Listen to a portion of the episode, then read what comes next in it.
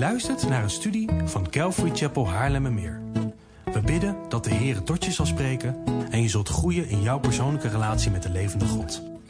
Bezoek voor meer informatie onze website calvarychapel.nl. Dat is C-A-L-V-A-R-Y-C-H-A-P-E-L.nl. Um, wij gaan vanmorgen verder met deze meerdelige preekserie over kerkbestuur of het kerkelijk bestuur. Oftewel hoe, um, hoe een plaatselijke kerk waarvan Jezus Christus het hoofd is, bestuurd dient te worden door wedergeboren um, mensen van vlees en bloed. Uh, in het eerste deel wilde ik uh, twee uitgangspunten heel duidelijk maken die essentieel zijn, of die, die van essentieel belang zijn, voor hoe wij kerkelijk bestuur horen te zien. Er valt veel meer over deze twee uitgangspunten te zeggen, maar voor de, rijkwi de rijkwijde van deze studie um, zal ik het hierbij laten. En het eerste uitgangspunt is dat Jezus Christus het hoofd van zijn gemeente is. Hij is het hoofd. Uh, niet de voorganger, ook niet de oudsten. Niemand behalve Jezus Christus. En hij is het hoofd van zowel het univers universele lichaam van Christus wereldwijd, als ook van elke plaatselijke gemeente die zich aan het hoofd Jezus Christus onderwerpen. En um, dat is iets wat wij echt verlangen om te doen, om, om Hem zijn plaats te geven die Hij alleen uh, verdient. Het tweede uitgangspunt is dat elk wedergeboren discipel van Jezus Christus uh, deel uitmaakt deel uitmaakt van um, het koninklijk priesterschap. Wat onder andere inhoudt dat jij en ik zelf onbeperkte toegang hebben tot de troon der genade, tot Gods troon. En dat deze God jou en mij in staat stelt om mee te, mee te kunnen bouwen aan zijn koninkrijk, aan zijn gemeente. Paulus noemt ons medearbeiders van God. En in mijn bescheiden mening liggen deze twee, uh, deze twee uitgangspunten ten grondslag van hoe wij bijbels naar kerkbestuur horen te kijken. Naast deze twee uitgangspunten hebben we globaal en ook heel kort uh, gekeken naar de drie meest gangbare bestuursvormen die door de gehele kerkgeschiedenis tot op de dag van vandaag uh, gehanteerd worden. En de bedoeling was om om aan te geven dat deze er zijn. En niet per se om deze uit te diepen. Uh, de eerste was uh, zo'n moeilijk woord, congregationalisme. de tweede was episcopaal en de derde presbyteriaans. En alhoewel ik geen harde conclusies trok over de verschillende vormen, had ik bij de eerste twee, dus het congregationalisme en um, episcopaal, had ik bij die wel mijn vragen over of de liefde van Christus die hij voor zijn gemeente heeft volledig tot uiting kan komen in deze vormen van kerkbestuur. Dat is gewoon een persoonlijke vraag die ik heb. De insteek was om hier samen naar te kijken. Ik weet niet, misschien hebben jullie andere vragen daarover, maar dat was mijn vraag. En ook vroeg ik me af of Jezus gezag als hoofd van de gemeente en het priesterschap van elk lid van de gemeente in deze vormen volledig tot hun recht kunnen komen. Nou, met betrekking tot het Presbyteriaanse gaf ik een aantal voordelen van deze vormen aan. En ik gaf aan dat het mij lijkt dat deze vorm zich het beste leent om de liefde van Christus die hij voor zijn gemeente heeft tot uitdrukking te laten komen. En dat Jezus gezag als hoofd van, gemeente, van de gemeente het beste tot um, uiting zou kunnen komen. Plus um, het priesterschap, priesterschap sorry, van elk lid. En ook dit was geen harde conclusie. De conclusies die komen pas aan het eind van deze preekserie. Nou, als laatste gaf ik aan dat in het Nieuw Testament drie woorden voorkomen. Drie, drie woorden voor het ambt van uh, een kerkbestuur of een kerkleider. In de herziene statenvertaling uh, komen deze voor als opziener, als ouderling en als herder. En we hadden kort gekeken naar het woord opziener, episcopas, en wat de taak van zo'n opziener is. Dit gaan we vanmorgen iets verder uitwerken. In een volgende studie zullen we gaan kijken naar de kwalificaties van een opziener. Eh, oftewel, wie kan een opziener zijn? Hoe ziet zo'n persoon eruit om een opziener te kunnen zijn, te mogen zijn?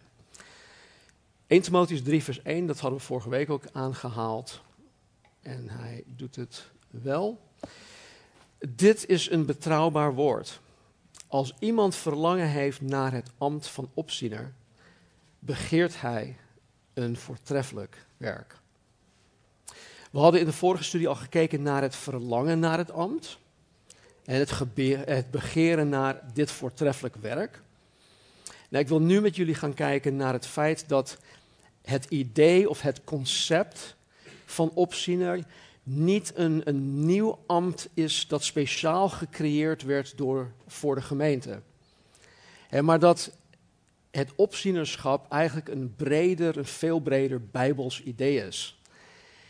In Handelingen 20, toen de apostel Paulus tijdens zijn derde zendingsreis terug naar Jeruzalem wilde gaan om daar Pinksteren te vieren, reisde hij op de terugweg niet naar Efeze toe, maar, eh, want dat zou een grote omweg voor hem zijn geweest.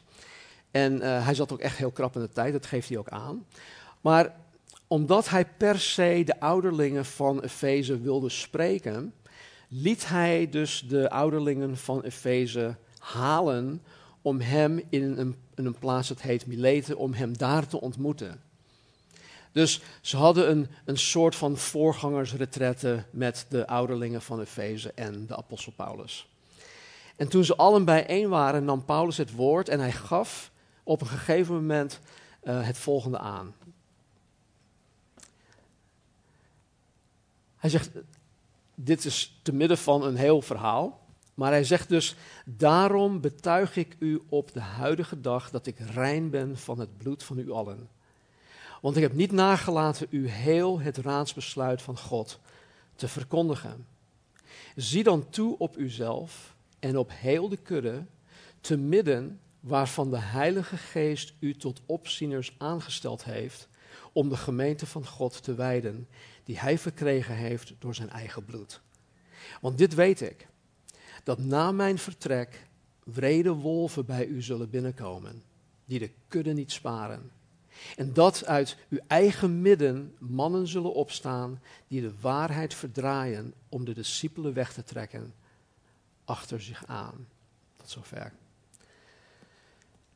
Nog vijf of zes jaar voordat Paulus de eerste brief aan Timotheus schreef, zei Paulus hier in dit stuk wat we net lazen, dat de ouderlingen van Efeze door de Heilige Geest tot opzieners waren aangesteld. En hun taak als ouderlingen of opzieners was om de gemeente van God te wijden. Dit woord wijden, dat stamt uit het Griekse woord poimaino, wat de werkwoordsvorm is van herder. En je zou uh, het letterlijk kunnen vertalen als herderen. Nou, ik weet dat dat geen goed Nederlands woord is, dus vandaag introduceer ik het. Maar het, het, zou, het zou eigenlijk um, vertaald worden als, als dat, als, als herderen, shepherding. En maar goed, uh, poimaino, dit woord, wordt dus in het Nederlands vertaald als weiden of als hoeden. En hier zien we dus dat de taak van een opziener dus niet beperkt is tot het toezicht of het opzicht houden van de gemeente, maar de opziener ook proactief de gemeente van Christus moet hoeden of wijden als een herder. Daar gaan we verder ook, ook, of gaan we ook dieper op in wanneer we naar die functie gaan kijken. Nou, zo'n 28 jaar hiervoor, dus deze gebeurtenis, zien wij dat omdat Judas Jezus had verraden en vervolgens zelfmoord had gepleegd, Judas, de apostelen een plaatsvervanger moesten vinden. In Handelingen 1 zien wij dat in deze situatie Petrus het voortouw nam en volgens de schrift uitlegde wat er eigenlijk met deze Judas was gebeurd. En dat zij dus een andere apostel moesten aanstellen. En in zijn betoog zei Petrus onder andere dit over Judas. Er staat geschreven in het boek van de, van de psalmen, laat zijn woonplaats woest worden en laat er niemand zijn die daarin woont. En laat een ander zijn ambt als opziener nemen. Zijn ambt als opziener, Judas. Nog voor de geboorte van de gemeente, dus nog voor de geboorte van de gemeente in Handelingen 2, zien wij hier dat ook de apostelen opzieners waren. Dus nogmaals, de opziener is niet een functie die speciaal gecreëerd werd nadat de gemeente van Jezus tot stand was gekomen. Ook in het Oude Testament kwam de opziener al voor.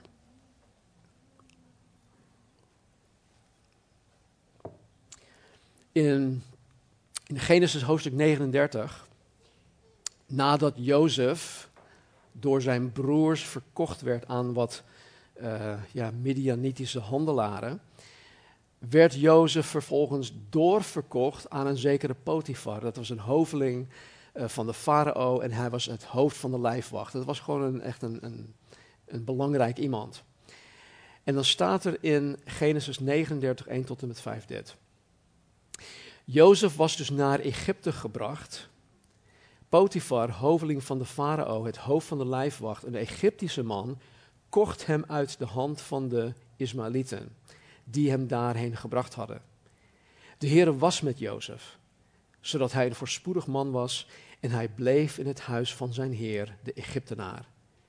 En toen zijn heer zag dat de Heere met hem was en dat de Heere alles wat hij deed door zijn hand voorspoedig deed verlopen, vond Jozef genade in zijn ogen en mocht hem bedienen Potifar stelde hem aan over, sorry, Potifar stelde hem aan over zijn huis en alles wat hij had gaf hij in zijn hand.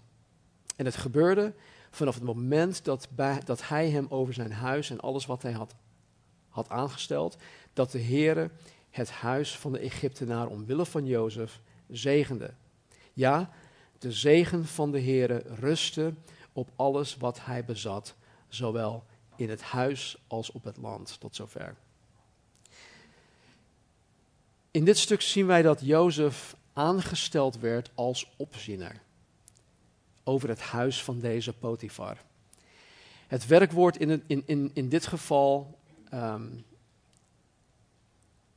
of sorry, in het werkwoord in de grondtekst in dit geval, betekent het aanstellen in ambt.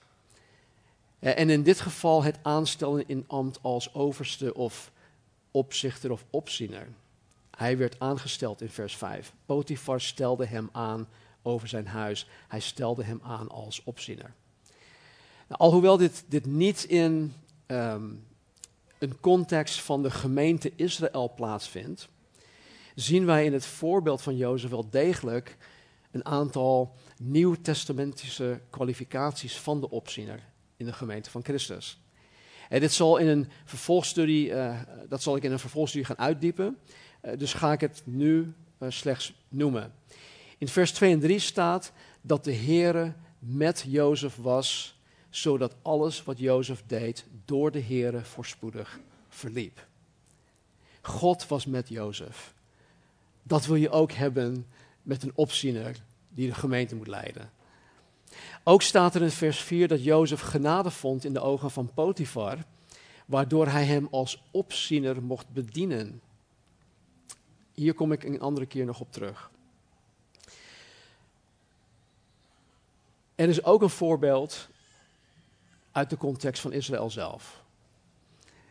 In 2 Koningen 22 werd een hele jonge jongen van acht jaar oud koning van Juda.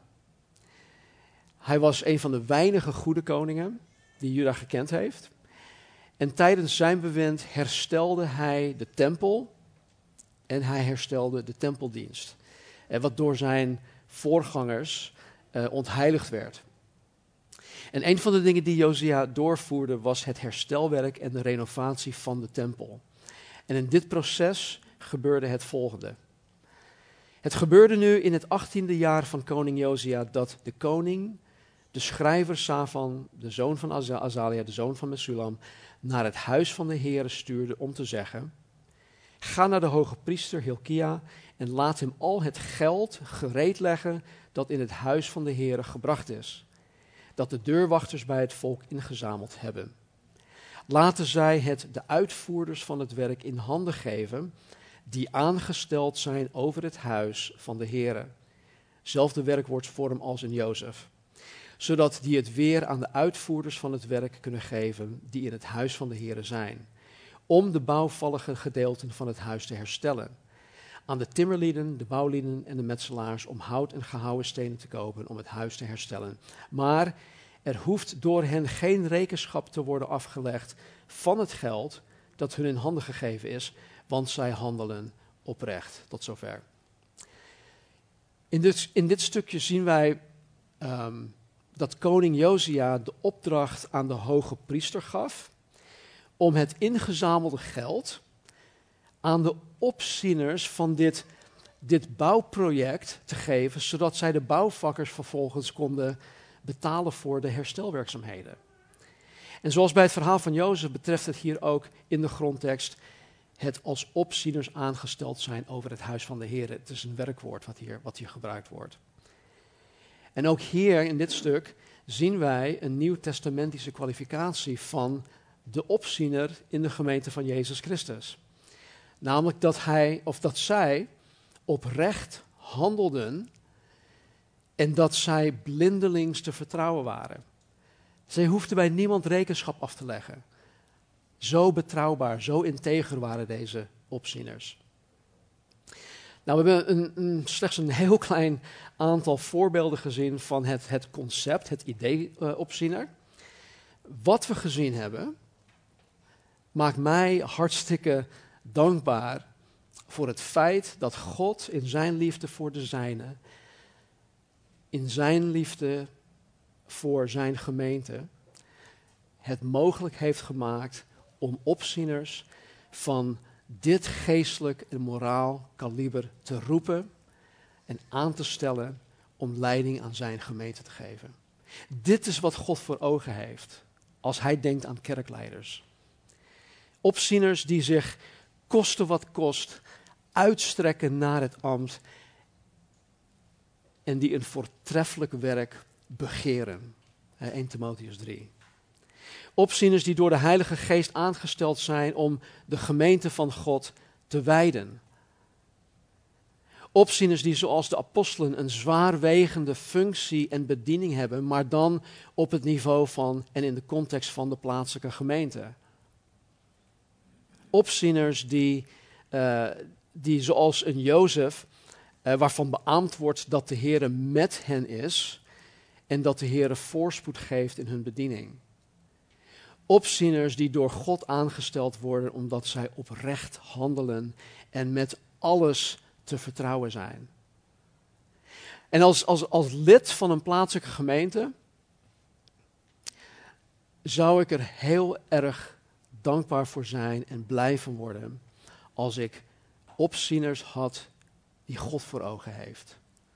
Opzieners van dit geestelijk en moraal niveau. Kijk, vergeet dit nooit. God heeft jou en mij lief. Hij heeft zijn gemeente, de bruid van Christus, heeft hij lief. En omdat hij ons lief heeft, wil hij dit soort op, uh, opzieners, hij wil dit soort opzieners roepen. Hij wil dit soort opzieners aanstellen. Hij wil dit soort opzieners bekwamen. Uiteindelijk is het Gods werk in een mens die van een mens een opziener zoals deze kan maken.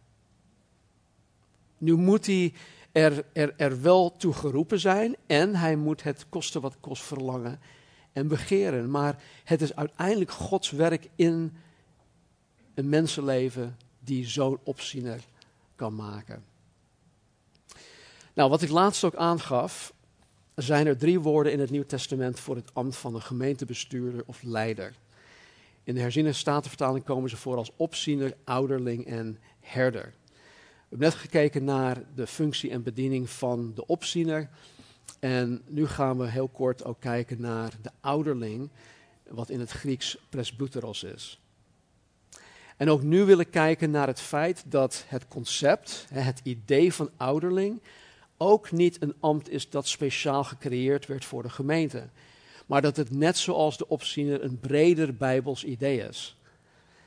Toen de apostel Paulus ehm, een zekere Titus in Kreta had achtergelaten om zaken op orde te stellen, gaf hij Titus specifieke opdrachten.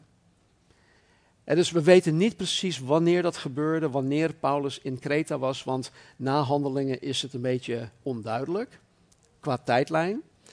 Maar blijkbaar waren Piet, uh, Paulus en Titus samen in Kreta om daar kerken te planten. En hij ging daar weg, Paulus ging daar weg, maar hij liet Titus daar achter. En die opdrachten die hij gaf, dit is er één van. Om die reden heb ik u op Kreta achtergelaten, opdat u verder in orde zou brengen wat nog ontbrak. En van stad tot stad ouderlingen zou aanstellen zoals ik u opgedragen heb. Zoals Paulus de, de jonge voorganger Timotheus in Efeze achterliet, dat overkwam Timotheus ook, om daar, om daar zaken op orde te stellen, liet Paulus deze jonge Titus in Kreta achter om precies dezelfde reden. En een van de dingen die Titus moest doen was ouderlingen in de plaatselijke gemeenten aanstellen. En dat zien wij hier in, in, in vers 5. En zoals Paulus in 1 Timotheus 3 vervolgens de kwalificaties van een opziener noemt, vermeldt Paulus ook na dit vers 5 vervolgens ook de kwalificaties van een ouderling. En in de volgende serie over ouderlingen en diakenen gaan we kijken naar deze kwalificaties en ook die van de diaken. Nou, in deze twee brieven, dus um, ehm, 1 Timotheus en Titus, zien wij dat Paulus um, hun opdraagt om zowel opzieners als ouderlingen aan te stellen, als de leiders van die plaatselijke gemeente. Nou, het woord ouderling, hè, presbyteros, dat spreekt van iemand die ouder is. Daarom heet het ouderling of oudste. En het is iemand die volwassen is, volgroeid. Iemand waar mensen eventueel naartoe zouden willen gaan voor onder andere wijze raad. Een, een oudste of een ouderling was een senior. Uh, het was in bijbeltijden vanzelfsprekend dat een oudere man meer ervaring met de Here had opgedaan en ook meer levenservaring had. Ook werden deze oudere mannen autoriteit en gezag toegekend. En ze waren verantwoordelijk voor het nemen van beslissingen in bijvoorbeeld een dorp of uh, in een gemeenschap of over familiestammen.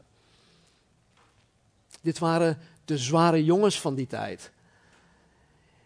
In de evangelium en in het begin van handelingen komen wij ouderlingen tegen.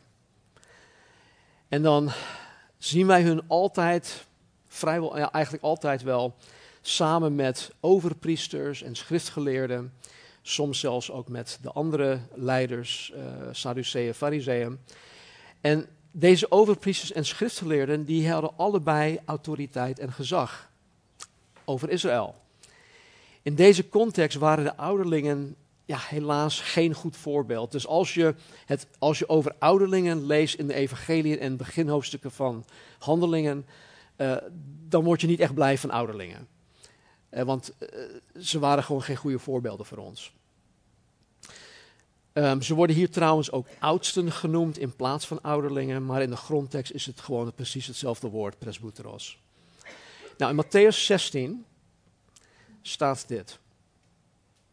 Nogmaals, dit, dit is precies in het midden van een heel verhaal. Maar er staat van toen aan begon Jezus zijn discipelen te laten zien dat hij, Jezus, naar Jeruzalem moest gaan en veel zou moeten lijden van de kant van de oudsten en de overpriesters en de schriftgeleerden. En dat hij gedood zou worden en op de derde dag zou worden opgewekt.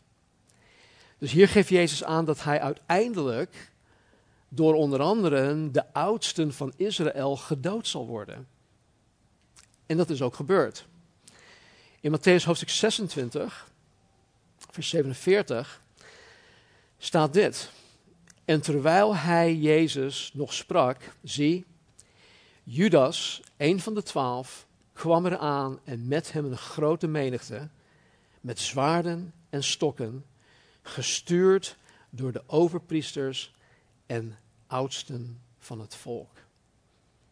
En hier zien wij dat onder andere de oudsten van het volk de menigte met zwaarden en stokken gestuurd hadden om Jezus gevangen te nemen. Ik zei toch dat je niet blij zal worden van deze ouderlingen. In Handelingen 3, een, een soortgelijk verhaal. In Handelingen 3 zien wij dat Petrus, een man die vanaf de moederschoot kreupel was, in de naam van Jezus bij de tempelpoort had genezen. En die man die ging lopend, springend en godlovend de tempel in. Iedereen die het zag, die was verbaasd. Logisch. want iedereen kende deze kreupele man. Die man die werd elke dag neergezet bij de tempelpoort om te gaan bedelen.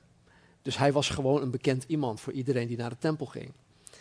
En toen Petrus merkte dat de mensen zich hierover verwonderden, predikte Petrus het evangelie van de opstanding van Jezus. En tegelijkertijd beschuldigde hij de Joden voor het doden van Jezus. Dat was geen populaire boodschap. En terwijl Petrus tot het volk sprak, kwamen de priesters, de bevelhebber van de tempelwacht en de Sadduceeën op hen af en zij namen Petrus en Johannes gevangen. En dan staat er dit. En het gebeurde de volgende dag, dus de volgende dag dat zij, nadat zij in bewaring werden genomen, dat hun leiders en oudsten en schriftgeleerden in Jeruzalem bijeenkwamen. Ook Annas de hoge priester en Caiaphas, Johannes, Alexander en allen die tot het hoge priestelijk geslacht behoorden. En toen zij hen in het midden hadden doen staan, vroegen zij, door welke kracht of door welke naam hebt u dit gedaan? Dus we zien, sorry in het stuk,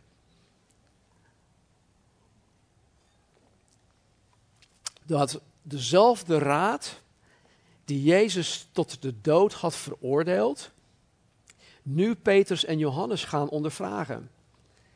En ook hier waren de oudsten erbij betrokken. Nogmaals, de oudsten waren zware jongens.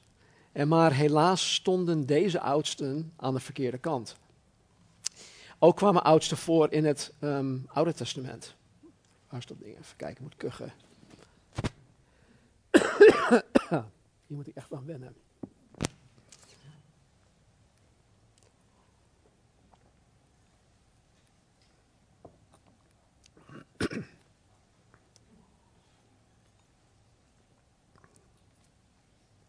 Wat ik net zei, de, oudsten.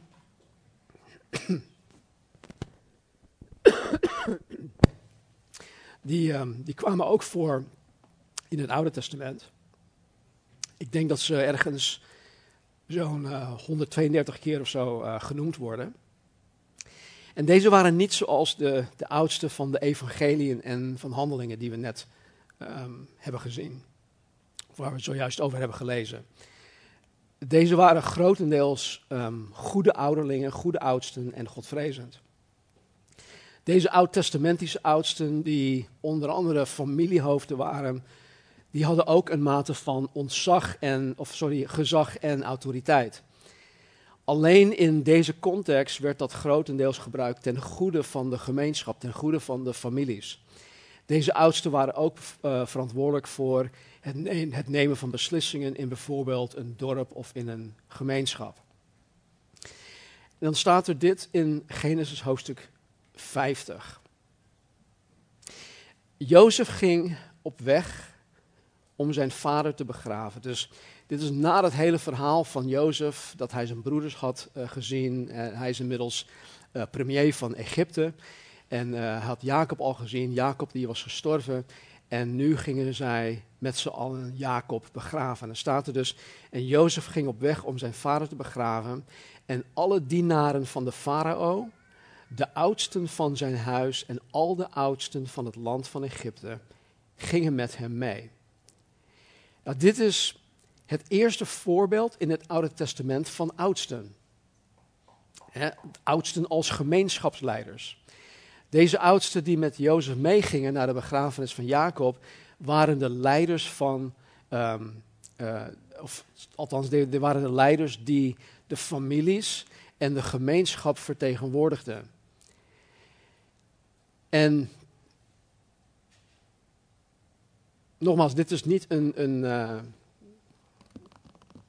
een Israël, uh, hoe heet dat? Een, het, het, waren geen ouder, ouderlingen of oudsten van Israël. Maar daar komen ze voor het eerst voor in dit verhaal, in um, Genesis 50. Nog één. Toen God Mozes riep, jullie kennen het verhaal in Exodus, Exodus hoofdstuk 3. Toen God Mozes riep hè, om de Israëlieten uit Egypte te leiden, zei God tegen Mozes om dit als eerste aan de oudsten van Israël te vertellen. En dat is wat. God geeft Mozes de opdracht om heel het volk Israël uit Egypte te leiden. En aan wie moet hij het vertellen? Aan de oudsten van Israël. Waarom? Omdat zij de leiding hadden. Zij waren verantwoordelijk voor de families. Het waren de soort van stamhoofden, familiehoofden en gemeenschaphoofden. En dan staat er in Exodus 3, vers 16 dit. Ga, zegt God hier tegen Mozes, verzamel de oudsten van Israël en zeg tegen hen, de Heere, de God van uw vaderen, is aan mij verschenen, de God van Abraham, Isaac en Jacob. Hij zei, ik heb zeker naar u omgezien en naar wat u in Egypte wordt aangedaan. Dus nogmaals, ga, verzamel de oudsten van Israël en vertel het hen. Dus we zien dat, dat God zelf de oudsten van Israël erkent als de gemeenschapsleiders die de families en de gemeenschap vertegenwoordigen. En die de verantwoordelijkheid droegen om beslissingen voor de families en voor de gemeenschap te nemen. Even verder in Exodus 24 en in nummer 11 lezen we over een 70, 70-tal oudsten die benoemd waren tot de raad van gemeenschapsleiders, waar Mozes de leiding over had. Nou, uit deze en nog een aantal andere schriftgedeelten blijkt dat oudsten al in een heel vroeg stadium een plaats van leiderschap bekleden. En gedurende de hele, eigenlijk de hele periode van het Oude Testament um, en zelfs na de ballingschap zien wij oudsten voorkomen. En na de ballingschap, dat is Ezra en Nehemia. Nou, als bonus, spreuken 31, 23. Jullie die spreuk 31 kennen weten dat dit over, althans de tweede helft gaat over de deugdelijke vrouw. De vrouw wordt helemaal de hemel in geprezen en ik denk terecht. En er staat er over haar, er staat haar man geniet aanzien in de stad. In de poort zit hij met de oudsten in vergadering bijeen. Haar man geniet aanzien in de stad. In de poort zit hij met oudsten in vergadering bijeen. Nou, in de context van Spreuken 31, hè, het schriftelijke gedeelte over de deugdelijke vrouw, wat ik net zei, zouden wij, en dit is mijn mening, zouden wij kunnen concluderen dat degenen die oudsten genoemd worden, niet altijd oudere mannen zijn geweest. Opa's met grijze baarden. Maar dit waren gewone, volwassen mannen in de Joodse samenleving. De deugdelijke vrouw en deze oudste lijken, als je dat hele stuk in, in, in uh, Spreuk 31 leest, lijken op een leeftijd te zijn waarop zij uh, uh, nog steeds kinderen thuis hebben. Dus dat is even mijn mening. Doe ermee wat je wil. Maar ik vond het wel interessant om te zien dat, um, dat haar man samen met de oudsten in, um, in de poort zat um, met hun te vergaderen. En dat deze vrouw misschien nog jonge kinderen thuis heeft. Nou, als lid van een plaatselijke gemeente, nu spreek ik weer voor mezelf, zou ik God heel erg dankbaar zijn als ik opzieners had die de geestelijke en morele kwaliteiten hadden uh, die God voor ogen heeft. En die tegelijk ook de geestelijke volwassenheid, het verantwoordelijkheidsgevoel en de liefde van een ouderling hadden. Nogmaals, ik geloof dat omdat God jou en mij onvoorwaardelijk lief heeft, Hij opzieners en ouderlingen voor ogen heeft die een, uh, als het ware een verlengstuk zijn van zichzelf. En menselijke opzieners en ouderlingen die ons zouden leiden zoals God zelf ons zou willen leiden. En dat is dan ook de taak van een ouderling en opziener, om het hart van God te leren kennen voor hoe God zijn kudde zou willen leiden als de goede herder, de opperherder. Nou, dit gezegd hebbend, uh, wil ik afsluiten met het feit dat in het Nieuwe Testament opzieners en ouderlingen synoniem zijn. Uh, deze termen zijn uitwisselbaar. In 1 Timotheus gebruikt Paulus beide woorden om dezelfde ambt te beschrijven. In Titus doet hij hetzelfde. En ook Petrus doet dit. 1 Timotheus 3:1, die hebben we al gelezen. Dit is een betrouwbaar woord. Als iemand verlangen heeft naar het ambt van opziener, begeert hij een voortreffelijk werk. Twee hoofdstukken verder zegt Paulus dit. Laat ouderlingen die goed leiding geven, dubbele eerwaard geacht worden. Vooral degenen die arbeiden in het woord en in de leer. Want de schrift zegt: Een dorsende os mag u niet muilkorven. En de arbeider is zijn loon waard. Neem tegen een ouderling geen beschuldiging aan, tenzij er twee of drie getuigen zijn. Dus Paulus die spreekt hier over uh, een, een opziener in hoofdstuk 3. En tegelijkertijd, een aantal zinnen verder, heeft hij het over ouderlingen. En ik geloof persoonlijk dat hij het over dezelfde persoon heeft, of dezelfde ambt. In Titus uh, hoofdstuk 1, vers 5 en ook in 7a staat dit. We hebben ook gelezen, om die reden heb ik u op Kreta achtergelaten, opdat u verder in orde zou brengen wat nog ontbrak en van stad tot stad ouderlingen zou aanstellen zoals ik u opgedragen heb. Vers 7, want een opziener moet onberispelijk zijn. En dan, dan komt een hele lijst van kwalificaties van de opziener. En dan 1 Petrus hoofdstuk 5, vers 1 en 2. De ouderlingen onder u roep ik ertoe op, als mede-ouderling en getuige van het lijden van Christus en deelgenoot van de heerlijkheid die geopenbaard zal worden, hoed de kudde van God die bij u is en houd daar toezicht op. Petrus roept de ouderlingen ertoe op om de kudde van God die bij hen is te hoeden.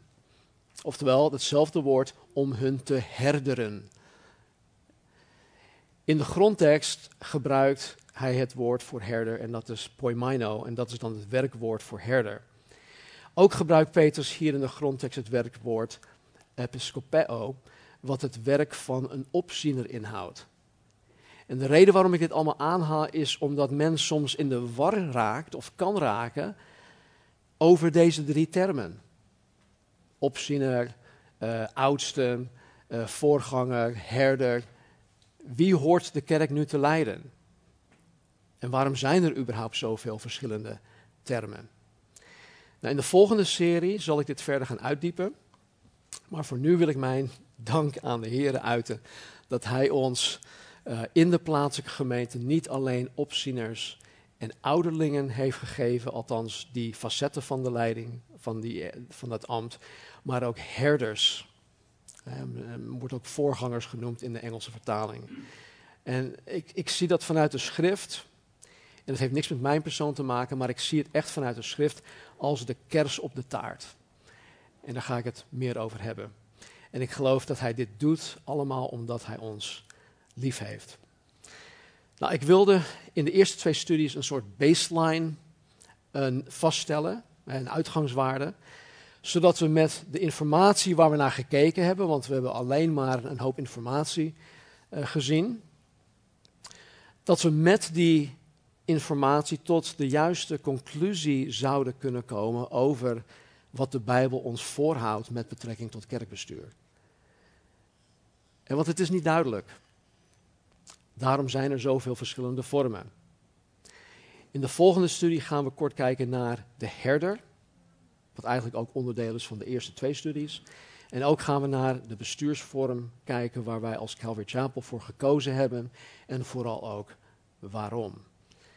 En ik geloof echt dat vanaf de volgende studie het ook meer toepasselijk voor ons allen zal gaan worden. Dus minder informatie, minder ehm, theorie en veel meer um, toepassing, denk ik. Laten we bidden. Vader, dank u wel dat u onze opperherder bent. Dank u wel dat Petrus u ook zelfs de opziener noemt. En dank u wel dat u ja, ons in de Bijbel, uw woord, informeert over deze drie verschillende facetten, aspecten van wat ik geloof ehm, hetzelfde ambt te zijn. Dus Heer, ik dank u dat u mij geweldige voorbeelden hebt gegeven. Voordat we hier kwamen, zelfs terwijl we hier al waren, dat ik mensen nog steeds acht als mijn opziener, mijn voorganger, mijn oudste. Dank u wel dat u mij deze mannen hebt gegeven. En dank u wel dat wij in Jezus Christus het ultieme voorbeeld hebben. De goede herder, de opziener der opzieners. En dank u wel dat u ons uw geest hebt gegeven, de geest der waarheid, de geest die ons bekwaamt, de geest die ons helpt om u te zien, om u na te volgen, om u te dienen. Dank u wel ook voor het koninklijk priesterschap van al de gelovigen. Heren, zodat we zelf en niet door bemiddeling van een iemand, een persoon, voor uw troon der genade mogen komen. 24-7. Dus Heer, help ons om deze dingen te, te snappen. Help ons om deze dingen ook um, ja, te waarderen. En help ons om de dingen van deze studies ook echt toe te passen. Heer, tot eer en glorie van uw naam en voor onze zegen. In Jezus' naam bidden wij. Amen.